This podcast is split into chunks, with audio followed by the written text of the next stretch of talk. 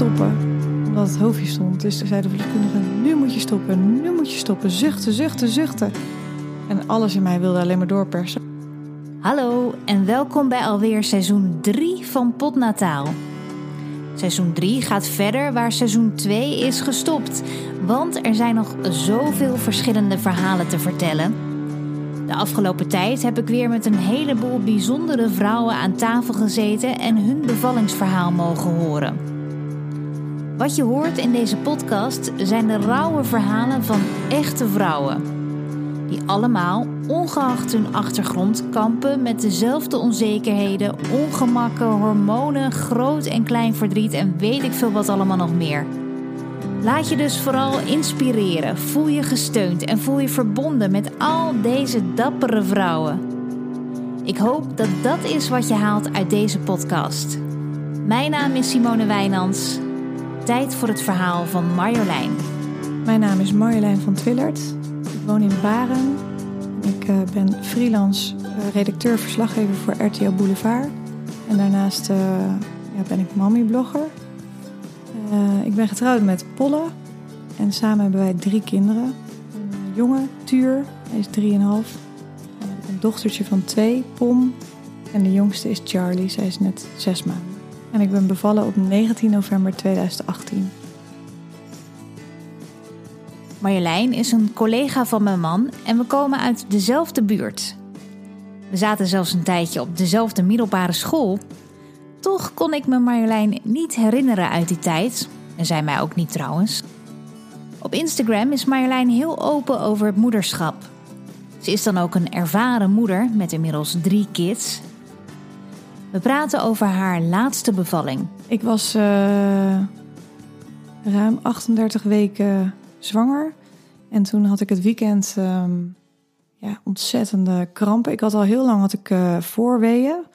Maar elke keer zet het net niet door. Dus uh, wel dat ik echt in bed lag en dat ik het al ging timen. Maar dan um, op het moment dat het echt heftig werd, dan zakte het eigenlijk ook weer af. Dus um, ja, dat, uh, dat zette niet door. En het weekend, uh, um, zaterdagavond had ik echt, nou, ik voelde me gewoon niet goed. Ik dacht, dat heb ik bij alle, bij mijn eerdere uh, bevallingen net daarvoor heb ik datzelfde gehad. Beetje een ziek gevoel. En um, mijn man zat naast me op de bank. We zaten tv te kijken. En alleen al uh, hoe hij ademde, dat kon ik gewoon niet verdragen. En ik had op dat moment nog geen weeën, maar ik dacht gewoon van... oh, ik ga even naar boven. Ik ga in bed liggen en ik trek me even terug. Zo'n gevoel had ik. En had je meteen ook door dat het begonnen zou kunnen zijn of dat nog niet eens? Nee, zeker niet. Ik had alleen wel uh, heel sterk het gevoel van... ik ben er nu zo klaar mee. Uh, ook al elke keer die voorweeën en dat onrustige... Maar ik had nog niet het gevoel van het gaat nu beginnen. Uh, ik lag in bed. En het was uh, 9 uur, 10 uur s'avonds. En bleef maar doorgaan, bleef maar doorgaan. Drie uur lang echt wel heftige weeën. En um, ja, toen wilden we eigenlijk net de verloskundige gaan bellen. En toen zakte het dus weer af. Volgende dag, zondag, hadden we nog een uh, Sinterklaasviering bij mijn man op zijn werk. En ik had een hele dikke kooltrui aangedaan wist ook niet waar we terecht kwamen, maar het was super dom dat ik dat had gedaan. Maar ik had het bloedheet daar in die zaal. Uh, twee peuters erbij die uh, de boel uh, op zijn kop zetten en alleen maar zaten te klieren. Dus toen ben ik daar even weggelopen, want ik, ik voelde me gewoon helemaal wegtrekken. Toen ben ik op de gang heb ik gezeten in dat gangpad. En toen kreeg ik weer die weeën, dus dacht ik, oh nee, het zal toch niet hier gebeuren. En het was ook elke keer een soort angst, omdat ik um, van onze middelste dochter, dus de tweede, uh, ons tweede kindje. Daar ben ik van begin tot eind in 40 minuten bevallen. En de verloskundige had al aangegeven van nou, nu bij een derde kan het nog wel eens nog sneller gaan. Dus zodra je iets voelt, moet je echt wel uh, weten, want het kan, kan echt heel snel uh, gebeurd zijn. Dus dat was wel een continue angst dat ik had. Dus ik zat daar in dat gangpad op zijn werk en ja, ik dacht, uh, nou, het mag nu niet gebeuren, het kan nu niet gebeuren. Hij zat ook toch in die zaal, die Sinterklaas was net aangekomen, dus dat, uh, dat ging hem sowieso niet worden. Het gebeurt niet. Haar man komt terug uit de zaal en ze rijden naar huis. Toen voelde ik weer datzelfde wat ik die nacht ervoor ook had. En ik had maandag had ik een afspraak bij de verloskundige. Dus ik zei tegen uh, Polle van, nou, morgen ga ik naar de verloskundige. Het zakt weer af en um, dan ga, ben ik, ja, ik ben nu gewoon zo zat. Dan ga ik aan haar vragen of ze kan kijken of, uh, of dat er ooit aan de gang is. En mijn kindje was ook al heel erg ingedaald. En die hing ook voor mijn gevoel echt tussen mijn benen. Dus ook als ik de trap opliep, moest ik het ook voor mijn gevoel vasthouden. Ik kon ook niet meer fietsen. Heel apart gevoel was dat ook. Um, dus ik dacht gewoon aan alles van, nou, als het nu gaat, als het nu echt gaat, uh, als, als mijn vliezen nu breken, dan is het gewoon, uh, ja, dan komt het gewoon. Dat was bij die tweede, was dat ook bij Pom, was dat ook, de vliezen braken en uh, drie kwartier later was ze er. Was het bij de eerste ook zo of dat niet? Nee, bij de eerste was het echt heel anders. Um, ja, bij mijn eerste was het sowieso allemaal een beetje gek, want toen ben ik bij 24 weken opgenomen in het ziekenhuis met weeën. En toen, uh, um, nou, toen was het echt zo van uh, de ambulance staat klaar om je naar het AMC te brengen. Je hebt al zoveel centimeter ontsluiting, je gaat nu bevallen. Uh, je kindje is 24 weken. Um, ja, het is wel levensvatbaar, maar het kan gehandicapt ter wereld komen. Dus ze gingen ons helemaal voorbereiden. En toen heb ik weeënremmers en een injectie voor longrijping gehad. Maar uiteindelijk, nadat ik een week in het ziekenhuis heb gelegen, heeft het, is dat toch weer afgezakt, zeg maar. En uh, toen mocht ik weer naar huis. En toen na twee dagen ben ik weer opgenomen met precies hetzelfde. Dus toen had ik, uh, heb ik in totaal heb ik drieënhalf, nee, tweeënhalf, drie weken in het ziekenhuis gelegen. En toen was echt elke dag en elke week was er eentje. En uiteindelijk is onze zoon bij 37 weken braken de vliezen. En uh, toen kwamen er geen weeën. Zou je net zien. Dus uh, uh, toen zijn mijn vliezen s ochtends om vijf uur gebroken. En uh, die nacht daarna is, het is hij geboren. En hij zat ook heel lang vast. En dat, ja, dat duurde eigenlijk juist heel lang.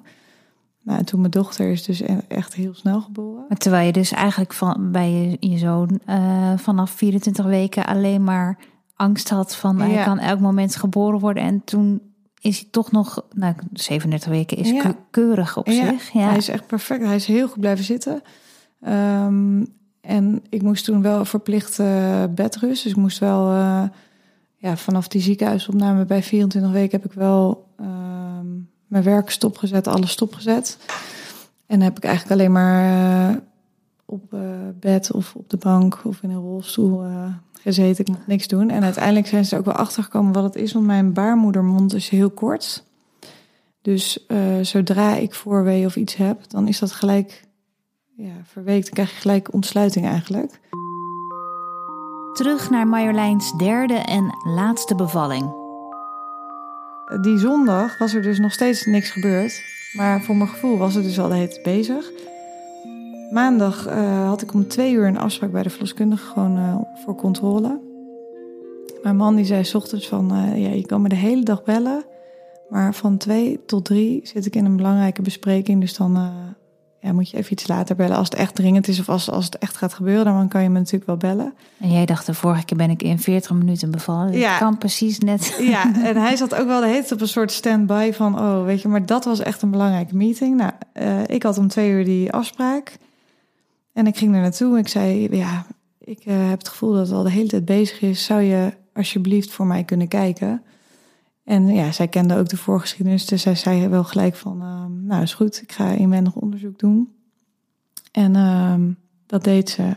En toen zei ze, jij gaat uh, nu bevallen, want je hebt vijf centimeter ontsluiting.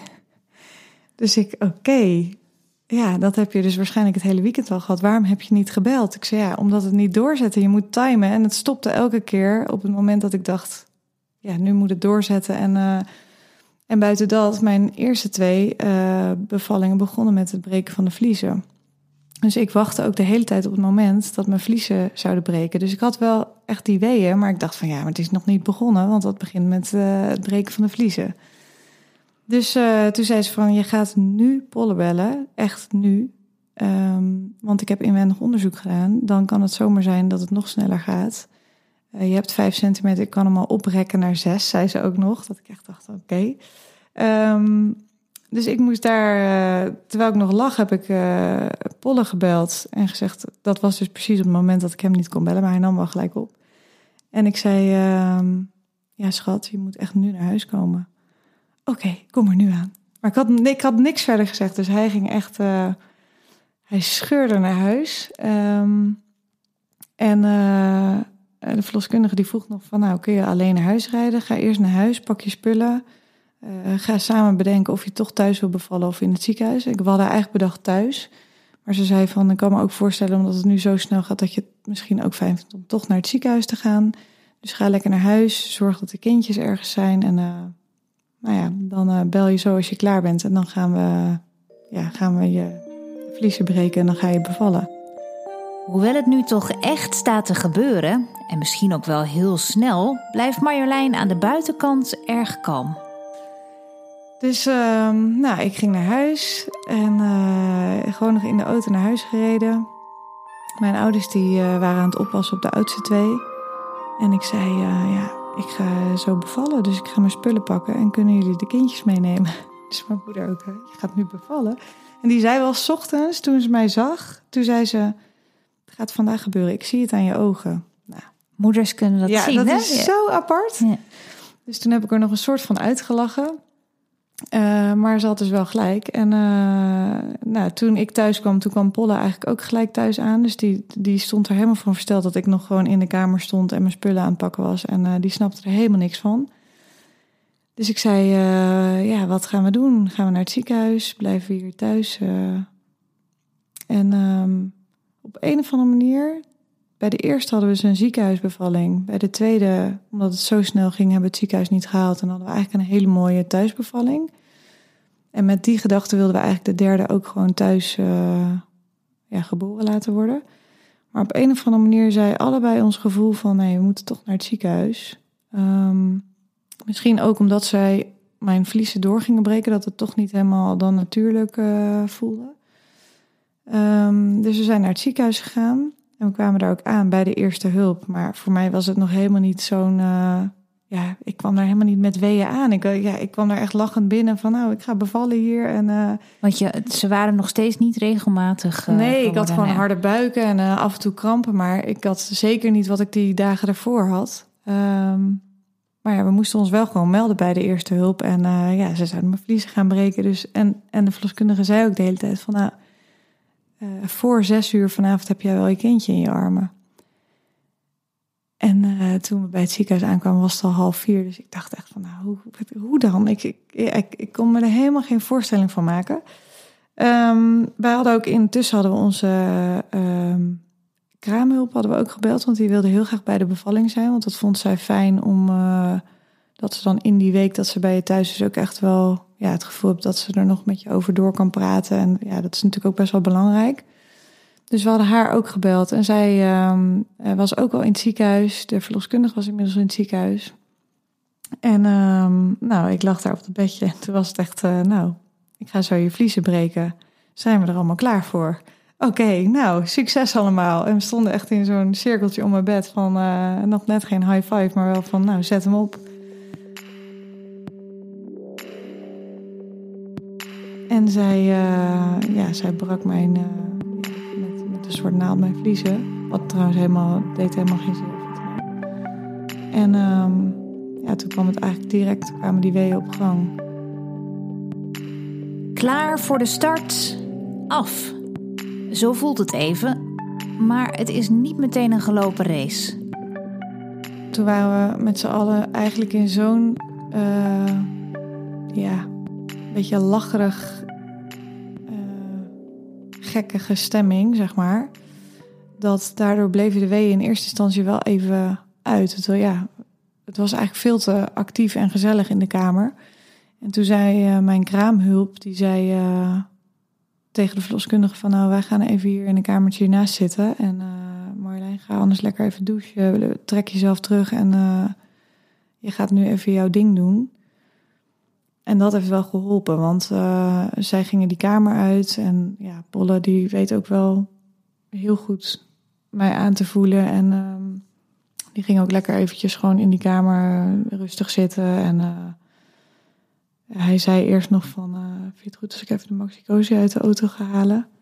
En ik zei, ja, ja, is goed. Ik voel nu toch nog niks. En op het moment dat hij de kamer uitliep, zei ik: Je moet nu hier blijven, want het is begonnen en ik heb je nodig, ik heb je nodig. En uh, hij heeft eigenlijk continu mijn hand vastgehouden en uh, me geholpen als ik weer even ging douchen of weer terugkwam.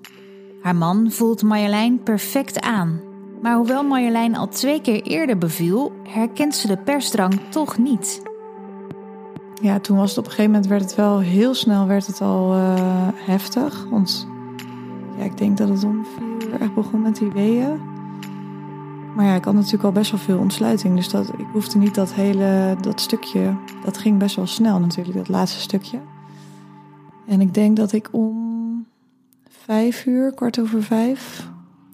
Uh, riep ik de verloskundige erbij. Of eigenlijk Polle riep de verloskundige. Die zat nog steeds in dat, uh, in dat kamertje daarnaast. Die kwam wel af en toe even kijken. Maar ik ben geen. Um, ik schreeuw niet als ik pijn heb of. Ik, ik ga juist heel erg. Uh, ben ik in mezelf gekeerd. En um, uh, de verloskundige die mijn bevalling uiteindelijk deed, was niet de verloskundige die ook de controle smiddags deed. Want zij moest de dienst overdragen. En zij uh, kende mij eigenlijk niet en ik haar ook niet. Dus ik zei van, het is begonnen, kun jij voelen of ik al kan, of ik volledige ontsluiting heb, dat ik kan gaan persen. Zij zei nou, dat is echt nog niet aan de hand, want dan lig je er echt nog niet, dan lig je er echt niet zo bij. Dus toen zei mijn man gelukkig van, nou, zo ging het de vorige bevallingen ook. Als zij zegt dat ze er nu klaar voor is om te gaan persen, dan is ze er klaar voor. Zij, ja, zij is gewoon in zichzelf gekeerd. En gelukkig wist hij dat en kon hij dat ook aangeven dat vind ik toch altijd wel echt het moeilijkste stukje. Ik vind het aan de ene kant ook heerlijk dat, dan, dat je mag gaan persen. Maar ik, ik heb niet zo'n drang als wat je wel eens hoort van... oh, dan moet je enorm poepen of wat. Dat heb ik echt niet. Dus ik, ik zit dan altijd wel te denken van... oh ja, maar hoe moet dat dan ook weer? Waar moet ik naartoe persen en hoe... Ja, het voelde niet, uh, omdat je het al twee keer eerder had gedaan... Nee. als, als uh, heel logisch of zo? Nee, of, uh... nee totaal niet. En... Um, dat had ik ook eigenlijk van tevoren gedacht van nou, ik heb het al twee keer gedaan. Ik weet nu toch wel wat ik moet doen. Maar weer wist ik even niet die knop te vinden. Had je nog iets van een cursus of zo gedaan ook van tevoren? Nee, nee. Ik heb wel. Uh, bij de eerste heb ik dat wel gedaan. Maar dat was uh, rond die 24 weken. Ik was bij 22 weken begonnen. En toen nou, was ik in het ziekenhuis. dacht ik, nou, laat maar. Um, en we hebben wel heel veel uh, ik heb wel uh, massage en allemaal dat soort ontspanningsoefeningen gehad. Mijn laatste zwangerschap, juist om meer even die momentjes te hebben van uh, dat je even bewust bent dat je van haar nog zwanger bent, terwijl je al twee peuters hebt rondlopen. Maar geen cursus. Dus ja, en ik dacht ook eigenlijk gewoon van, nou, dat heb ik niet nodig, want ik heb het al twee keer gedaan. Maar toch ja, vond ik het weer zo lastig van hoe ging het ook weer. En de, hoe werd je daar dan bij geholpen? Um, ja, de, bij mijn tweede bevalling werd ik daar heel goed bij geholpen door de verloskundige. En uh, bij de eerste was het ook heel moeilijk. Toen uh, heeft de verloskundige het uiteindelijk overgedragen aan de gynaecoloog. Want uh, ja, zijn hoofdje zat gewoon te lang vast. En ze hadden ook zo'n dingetje op zijn hoofd geplaatst. Uh, om zijn uh, hartslag en bloeddruk, alles te meten. En toen zei de verloskundige ook wel van, nou, ik ga het nu overdragen aan de gynaecoloog, want uh, dit duurt nu te lang en dat is gewoon niet goed. Dus we gaan nu, de gynaecoloog gaat nu kijken of je het nog natuurlijk kan doen, anders wordt het echt een keizersnee, want het moet nu geboren worden. En toen kwam de gynaecoloog, gynaecoloog erbij en die zei echt, nou, ik weet, niet, ik weet echt niet meer precies wat ze deed, maar die zei gewoon, voel je dit? Oké, hier ga je nu naartoe persen. En um, als ik zeg dat je moet persen, dan moet je echt alles geven. Je hebt het gevoel dat je alles hebt gegeven, maar je kan nog meer geven. Dat gaan we doen. Ik ga je een handje helpen. En um, dan heb je gewoon zo meteen je kind in je armen. Dus dat was bij de eerste. En ik weet nog dat ik toen dacht van, nee, maar nog meer geven. Ik heb alles al gegeven. En toen uh, precies dat stukje wat je nog meer kan geven in combinatie met de knip die zij toen even zei, zette, dat was wel dat hij in één keer wel op mijn uh, buik lag. En daar heb ik wel van geleerd, van je kan nog wel veel meer dan uh, wat je denkt. Je denkt echt van, nee, het is onmogelijk. Het is, echt, het is weer onmogelijk, dacht ik nu bij de derde weer. Maar toch weet je wel, ja, dat vind ik zo mooi van het, gewoon van je lichaam, van het vrouwelijk lichaam, dat je toch zo'n soort oerkracht moet voelen. En dat je het dan toch wel kan. Dat, ja, ik vind het echt ongelooflijk. Ongelooflijk en een wonder. Cliché, maar heel erg waar. Het is de kraamhulp van Marjolein die haar door het laatste stukje heen sleept. Ja, ik heb gewoon heel veel gehad aan, uh, aan mijn kraamhulp. De verloskundige die erbij was, die had zelf, heeft zelf geen kinderen. Was ook best een jonge meid. En um, ja, ik had haar verder ook nooit eerder gezien. Dus ja, dat vond ik best wel moeilijk. Had ik van tevoren niet gedacht dat ik dat moeilijk vond. Maar ja, wij voelden elkaar gewoon niet helemaal aan. En um, ja, zij zij zei ook wel dingen van ga maar op je zij liggen, dan is het makkelijker. En, uh, maar elke keer als ik op mijn zij draaide, had ik zo'n pijn dat eigenlijk alles in mijn hele brein en lichaam gewoon een soort van uitschakelde. Dus ik wilde gewoon op mijn rug liggen. Maar zij bleef maar doorgaan. Nee, ga maar op je zij liggen. En uh, mijn kraamhulp zei toen van uh, nee, ze blijft gewoon op de rug liggen. Marjolein, je gaat nu dit doen en dat doen. En die heeft me er gewoon doorheen geloodst. Die vrouw die was ook uh, in de 40, heeft zelf ook uh, drie kinderen. Um, en zij, ja, vanuit haar ervaring, maar ook hoe ze mij aanvoelde, ja, misschien ook moeders onderling. Ik weet, ik weet echt niet hoe dat, uh, hoe dat zit, maar ik, ik nam het van haar gewoon gelijk aan. En toen had ik hem weer gevonden, hoe het ook weer moest. Dat zag zij ook aan mij. Ze zei ook, ja, nu heb je hem, nu heb je hem te pakken, ja. En uh, ik weet nog dat Bolle die stond dus, zeg maar, uh, op een gegeven moment echt, die zag echt het hoofdje al. En um, die zei ook tegen mij van, uh, schat, ze, is erg bijna, ze is erg bijna. We hadden afgesproken dat hij haar uh, ja, als eerste aan zou pakken, zeg maar. Dus hij moest alvast klaar gaan staan. En toen kreeg ik weer een wee en toen moest ik weer persen. En toen was het al zo ver dat hij haar hoofdje al kon pakken. Maar toen moest ik natuurlijk even, toen moest ik stoppen, omdat het hoofdje stond. Nu moet je stoppen, nu moet je stoppen, zuchten, zuchten, zuchten. En alles in mij wilde alleen maar doorpersen, maar ik moest natuurlijk blijven uh, zuchten en uh, uh, dat stoppen. Maar hij had haar hoofdje al vast en, hij, en Charlie die sabbelde al aan zijn vinger. Terwijl ik alleen maar met hele grote ogen dacht van... nee, wat, wat is dit? Dat hele... Ja, dat, dat meest heftige gevoel, de meest heftige pijn had ik. En hij had juist die andere emotie dat hij haar al ja, zag en aan zijn uh, ja, vinger zat. Ze zat gewoon aan zijn vinger te sabbelen. Dus dat was echt bizar. Heel bizar. En toen heeft hij haar, nou, een paar seconden later heeft hij haar dus... Uh, uh, ja, uit mij aangepakt en aan mij gegeven. En dat was wel heel bijzonder. Dat was wel echt. Uh, ja, bij de derde, ik denk ook echt wel dat dit de laatste is. En dat we dan zo. Uh, ja, dat hij dat zo heeft gedaan. Dat was wel echt iets. ja, iets heel bijzonders. Na een vlotte bevalling ligt de kleine Charlie in de armen van Marjolein die nog helemaal beduust is van alles wat haar in de afgelopen uren is overkomen. Ik was heel erg opgelucht en heel blij dat ze er was.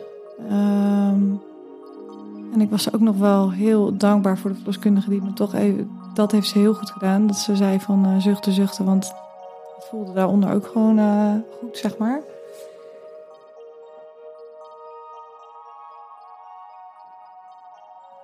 Ik was heel blij, maar ook heel onzeker, want zij lag op mij en ze was echt uh, ja, heel blauw en uh, heel slap. En de andere twee, die kwamen er ongeveer huilend uit en uh, ja, die waren gelijk gewoon een super goede kleur en die waren al naar mijn borst aan het zoeken en um, ja, er zat heel veel pit in. En dit meisje lag echt ja, als een slappe pop, helemaal blauw lag het tegen me aan en deed helemaal niks. Dus ik dacht gelijk van dit is niet goed. En uh, dat zei ik ook van uh, is het wel goed, is het wel goed? Dat was eigenlijk het eerste wat ik zei. Dus ik was niet, wat ik bij de anderen heel erg heb ervaren is dat toen ze bij mij lagen, toen was ik ik was gewoon helemaal gelukkig. En ik dacht, ja, ik had niet eens het gevoel van, is dit wel goed of niet? Ehm, maar dat had ik nu niet. Ik dacht echt van, uh, ja, ik keek naar haar. En uh, vooral door de kleur en hoe slap ze was, dacht ik van, uh, ja, doe wat, help me, uh, help haar. En pak haar, check haar. En verloskundige zei eigenlijk gelijk van, nee, het komt goed, het is goed. En het is hartstikke mooi meisje en niks aan de hand. En Corrie, de kraamhulp, die zei gelijk van, hmm, ik weet ook niet, ze oogt wel wat slap en ik weet ook niet, ik weet het ook niet. Marjolein krijgt een vreemd gevoel in haar onderbuik. Er klopt iets niet. Maar wat? Ook de kraamhulp vertrouwt het niet. En dat was voor mij ook weer een soort van bevestiging dat zij dat zei. Uh, en ook heel fijn dat zij mijn gevoel, uh, ja, hoe noem je dat? Uh, erkende of zo? Ja, ja, zij erkende mijn gevoel. En, en omdat de verloskundige was zo stellig in dat er niks aan de hand was, dat mijn man bijna met haar meeging van nee, liever, het is allemaal goed, het is allemaal goed. Hij zat juist helemaal in een euforische stemming van nou, ze is er, weet je wel, uh, ze ligt hier, je hebt het weer gedaan, kijk nou, kijk nou. Jouw onderbuikgevoel zijn gewoon wat anders. Ja, dat, uh, ja, daar kan hij ook natuurlijk helemaal niks aan doen. Daar kan niemand wat aan doen, maar het is gewoon een soort moederinstinct, denk ik. Dat je zelf ja, iets anders voelt. Hoewel de verloskundige er geen aanleiding toe ziet, dringt Marjolein aan dat er een kinderarts langskomt om te kijken. Maar de kinderarts was eigenlijk heel erg druk op de spoedeisende hulp. Dus uh, ja, zij kwam terug. Ze vroegen echt of dit ook spoed heeft. Dus ik heb maar gezegd dat dat het niet is. En ik dacht alleen maar, ja maar hallo, help me, help haar. Weet je wel, kom alsjeblieft. En ja, dan lig je natuurlijk zo ja, verloren in dat bed. Want je kan echt niks. Je bent zo afhankelijk van mensen die iets voor je dan uh, doen of regelen. En, uh, je wilde het liefst zelf uit bed en ja, hem uh, ja. aan zijn mouw ja. naar je toe slepen. En haar meenemen om te laten zien.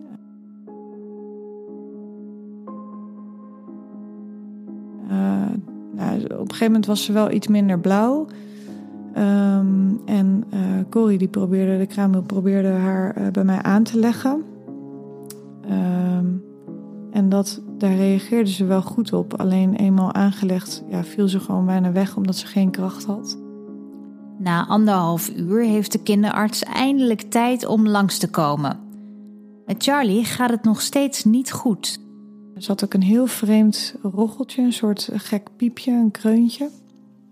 En uh, ja, de kinderarts vond haar ook wel een gekkige kleur. Die vroeg ook gelijk of het uh, uh, Aziatisch bloed had. Nou, wij zijn allebei echt 100% Hollands.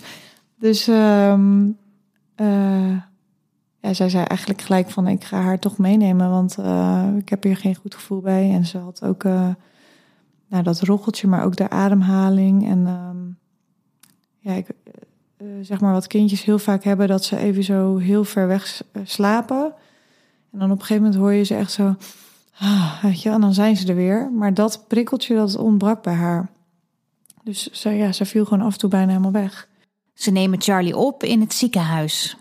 Marjolein voelt zich vooral opgelucht dat er eindelijk goed naar haar dochter wordt gekeken.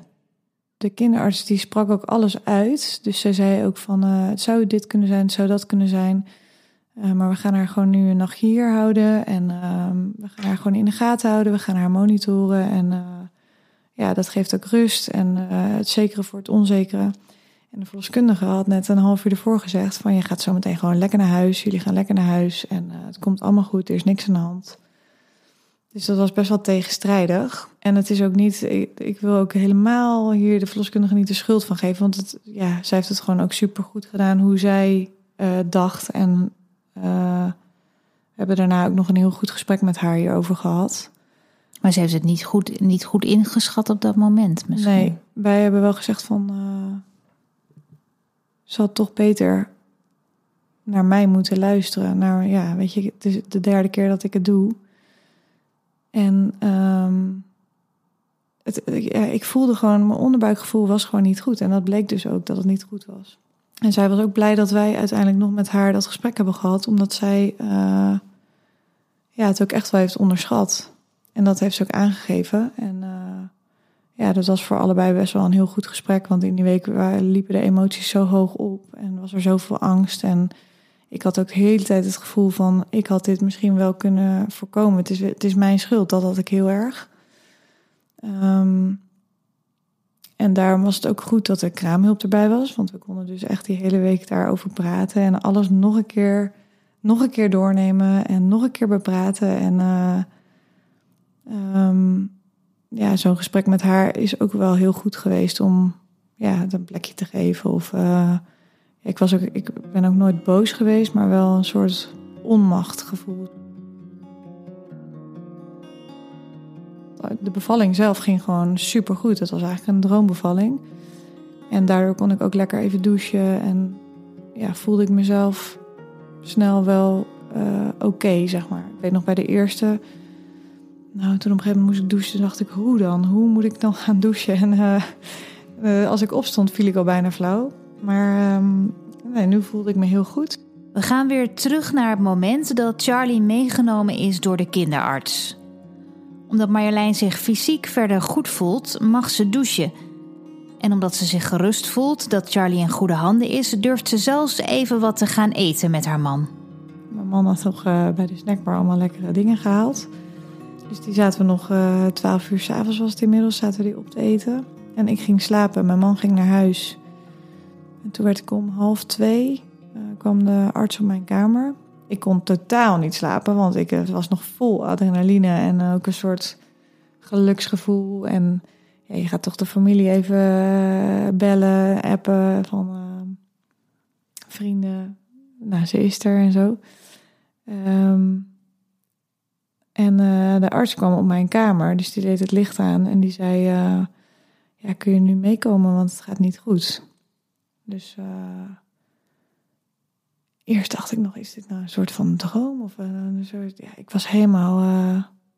Het leek alsof ik aan het hallucineren was, zeg maar. Dit had je ook niet, niet ik had niet verwacht. Ik was juist heel relaxed op die kamer. En ja, het was een beetje donker in die kamer. En ik zat wel op mijn telefoon, maar ik denk dat ik toch ook af en toe misschien een beetje aan het wegdutten was. Dus dat die arts daar in één keer stond, dat was voor mij een heel gek. Ja, het voelde als niet echt, zeg maar. Maar um, nou, ik werd in de rolstoel gezet en naar die afdeling gebracht. Want Charlie lag dus niet bij mij op de kamer. En um, ja, toen lag ze daar aan allemaal draadjes en ze had. Uh, ze kreeg zuurstof in de neus toegediend en ze had. Uh, um, ze waren een hielprikkel aan het doen. Eh, ze wilden een echo maken van haar fontanel. Midden in de nacht wordt Charlie aan allerlei onderzoeken onderworpen omdat haar saturatie veel te laag is. Marjolein legt uit wat dat betekent. Ik vind het ook heel moeilijk om uit te leggen, maar het heeft te maken met de opname van het zuurstof in je bloed. En dat moet gewoon op 100 staan. En bij haar, bij haar uh, was de saturatie rond de 60 en het kon zelfs nog naar beneden gaan. En dat mag niet lager dan 70 zijn in het begin eigenlijk. Er mag wel een dipje in zitten, maar dan moet het wel weer naar de 100 toe gaan. Bij haar was het continu te laag. En ook die dips die waren zo laag dat het, ja, dat zou echt voor blijvende uh, hersenletsel of schade kunnen zorgen. Dus daarom lag ze ook aan het zuurstof om dat steeds extra uh, ja, bij te geven. Het voelt voor Marjolein alsof ze in een slechte droom terecht is gekomen. En ik was ook alleen, omdat mijn man natuurlijk uh, thuis was.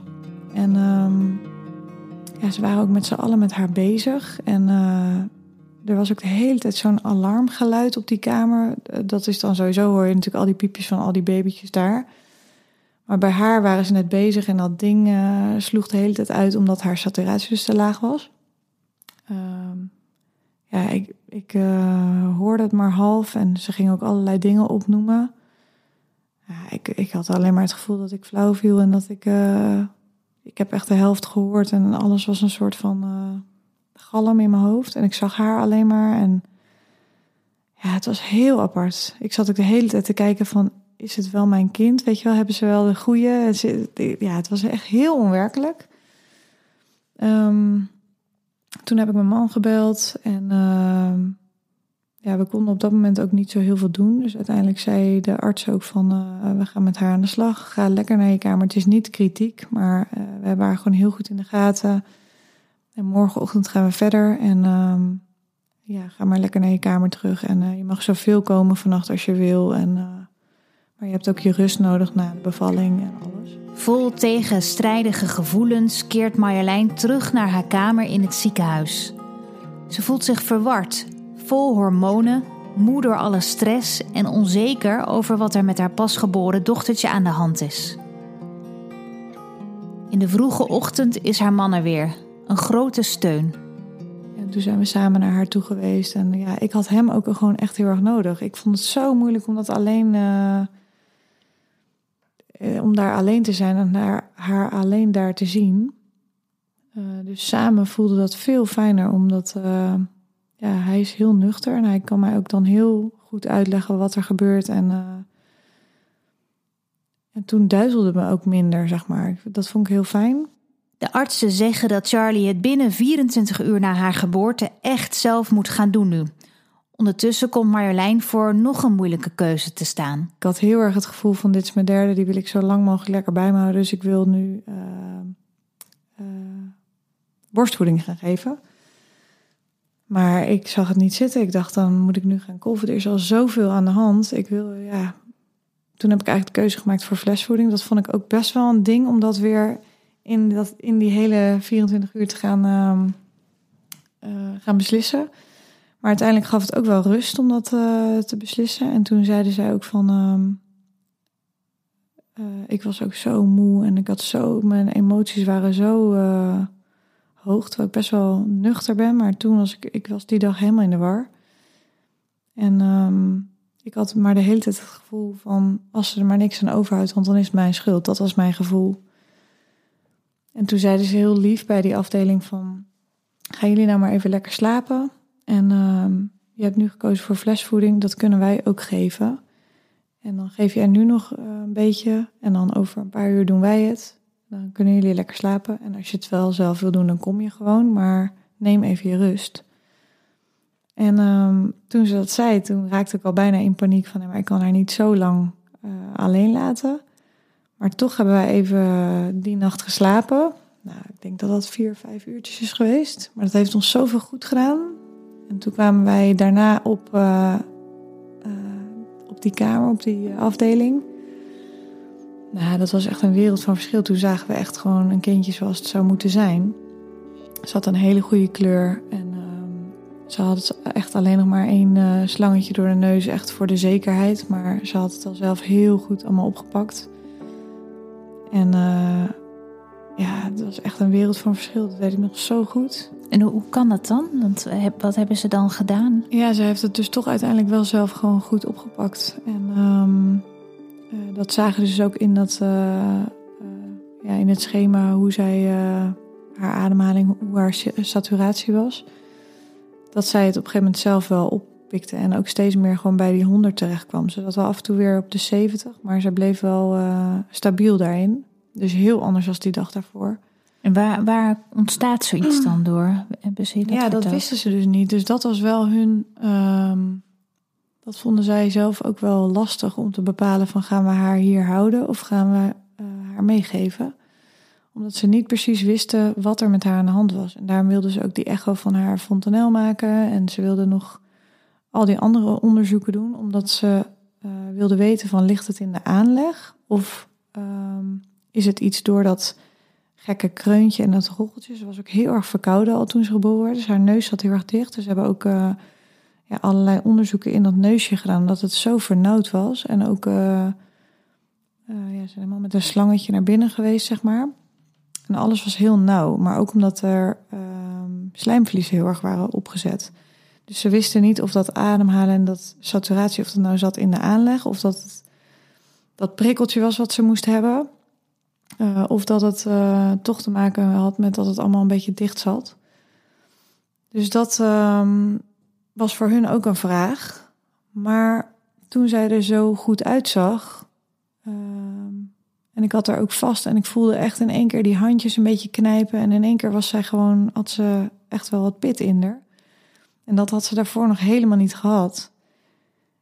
En ik weet nog dat ik er toen vast had en toen zei ik eigenlijk alleen maar van... Uh, ik wil er nu meenemen. Ik wil lekker naar huis. Ik wil, dit is gewoon goed. Zo moet ze zijn en uh, we gaan gewoon naar huis. En dat duurde dus nog wel even voordat we uiteindelijk ook echt naar huis mochten. Ehm, maar uh, ze hebben haar toen uh, afgekoppeld. En toen moesten we dat, dat dus even volhouden en goed doen. En dat ging eigenlijk heel goed. En toen uh, mochten we na drie dagen mochten we naar huis. En het was wel heel spannend, maar ja, het voelde ook wel goed.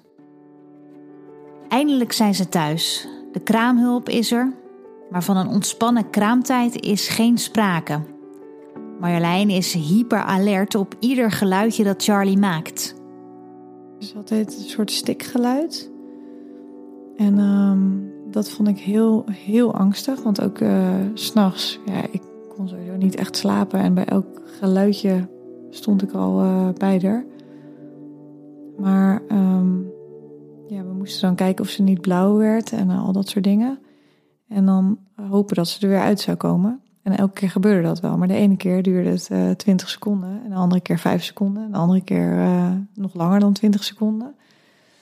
Dus dat heeft wel bij ons wel echt voor veel stress gezorgd. Dat we de hele tijd zeiden van... Uh, is wel goed, gaat wel goed. Oh, ja, oh, dat is echt een verschrikkelijke tijd. Nu is het al zo lang geleden weer. Maar toen zaten we er middenin. En um, ja, dat was wel echt heel uh, zorgelijk. En uh, ja, het was wel heel fijn dat de kraamhulp was. Er was echt ook, die zat er ook bovenop. En die, uh, dat maakte wel dat we af en toe zelf ook even konden ontspannen. Of met de oudste twee even bezig waren. Dus dat, dan was zij echt in goede handen. Zij is ook twee weken is ze bij ons geweest. Dus dat was ook heel fijn. Um, maar ja, toen daarna, toen ging zij weg.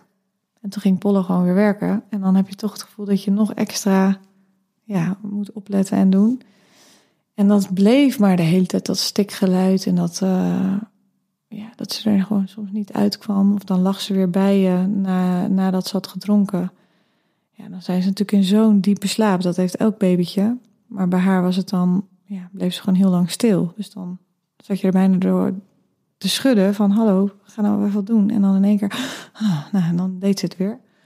Um, en zo is het eigenlijk heel lang geweest. Dus wij hebben heel veel uh, artsen nog gezien. Kinderarts, KNO-arts. Ze hebben weer een onderzoek gedaan toen ze drie weken was. Met een slangetje helemaal uh, door haar keel naar beneden. Om te kijken of het daar ergens vandaan zat. Of vernauwing of iets. Um, maar uiteindelijk ja, toch wel gewoon uh, met elke keer naar huis gestuurd van nou, als zolang zij niet blauw wordt, uh, dan is het goed eigenlijk. Dus dat was ook elke keer s'nachts. Bij het minste ging, ging die lamp weer aan. Of we sliepen zelfs met de lamp aan. Omdat je gewoon wil zien, wordt ze blauw? Nee, oké, nou, dan is het goed. Inmiddels zijn we al flink wat maanden verder en het gaat heel goed. Al heeft Charlie nog steeds meer zorg nodig dan een ander kind. Nog steeds elke week hebben we fysio met haar.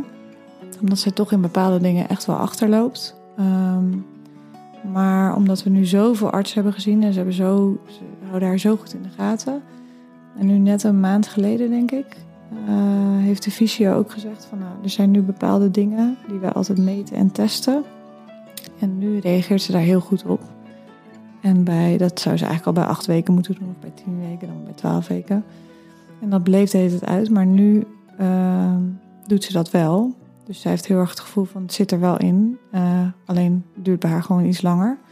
En dat stelt ons wel heel erg gerust. En vooral mij ook wel dat ik het nu eindelijk een beetje ja, kan verwerken van uh, het komt goed. En het is niet mijn schuld, zeg maar.